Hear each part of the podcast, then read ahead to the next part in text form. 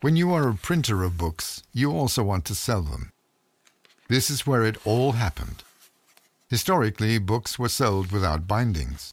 You had to go to a bookbinder to do this for you. Plantin dispatches orders and deliveries from here. The largest market is organized through an international distribution network of book traders who meet twice a year at the Frankfurt Book Fair.